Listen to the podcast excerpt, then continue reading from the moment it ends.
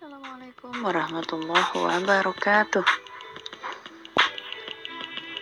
Alhamdulillah, kita jumpa lagi di Lini Masa News Radio yang selalu berkomitmen untuk mencerdaskan. Oh ya, para pendengar podcast Lini Masa, tentu sekarang tahu ya ada berita yang heboh tentang kenaikan harta pejabat. Gimana nih reaksinya? Marah? Marah apa enggak ya? Ya wes, kita simak dulu ya tanggapan dan beritanya. Oke. Okay. KPK mencatat ada lebih dari 70% pejabat yang hartanya meningkat berdasarkan laporan harta kekayaan penyelenggara negara. Salah satunya yang hartanya meningkat adalah Presiden Joko Widodo. Dalam kurun waktu selama pandemi, harta Jokowi naik sekitar 8,9 miliar rupiah. Sejumlah pihak pun menyoroti naiknya harta pejabat tersebut. Lantas, seberapa wajar harta pejabat pemerintah itu meningkat saat pandemi?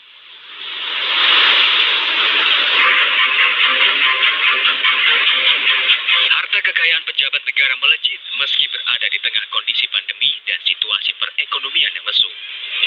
Berdasarkan laporan harta kekayaan penyelenggara negara LHKPN yang dirilis di situs resmi KPK, lebih dari 70% pejabat bertambah kaya selama pandemi. Jumlah harta Presiden Joko Widodo naik sekitar 8,9 miliar rupiah selama pandemi. Harta terbesar Jokowi saat ini berupa tanah dan bangunan. Jokowi juga memiliki harta kas dan setara kas 10 miliar rupiah. Jokowi tidak hanya mengalami peningkatan harta kekayaan, tetapi juga pengurangan utang. Selain Jokowi, sejumlah pembantu presiden pun mengalami peningkatan harta. Menteri Koordinator Bidang Kemaritiman dan Investasi Luhut Binsar Panjaitan hartanya bertambah 67 miliar rupiah. Harta kekayaan Menteri Pertahanan Prabowo Subianto meningkat 23 miliar. Menteri Agama Yakut Khalil Kaumas, harta kekayaannya melonjak tajam sebesar 10 miliar rupiah.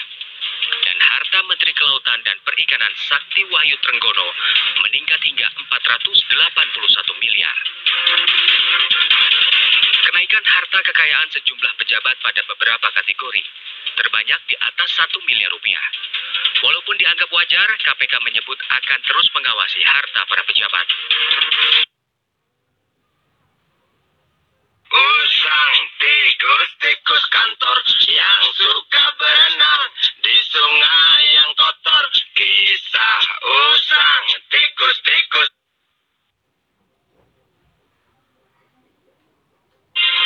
Ya udah. Jadi 16 juta itu gaji pokok, 59 juta itu adalah tunjangan pidana, Iya. komunikasi segala macam. Iya, iya. Terus yang lainnya? Ya. Yang lengkap dong.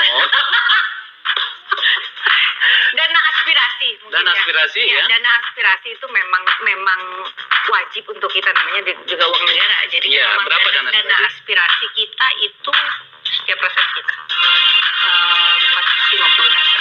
Itu Ber- Berapa kali dalam setahun? lima kali dalam setahun kita juga harus menyerap aspirasi artinya di setiap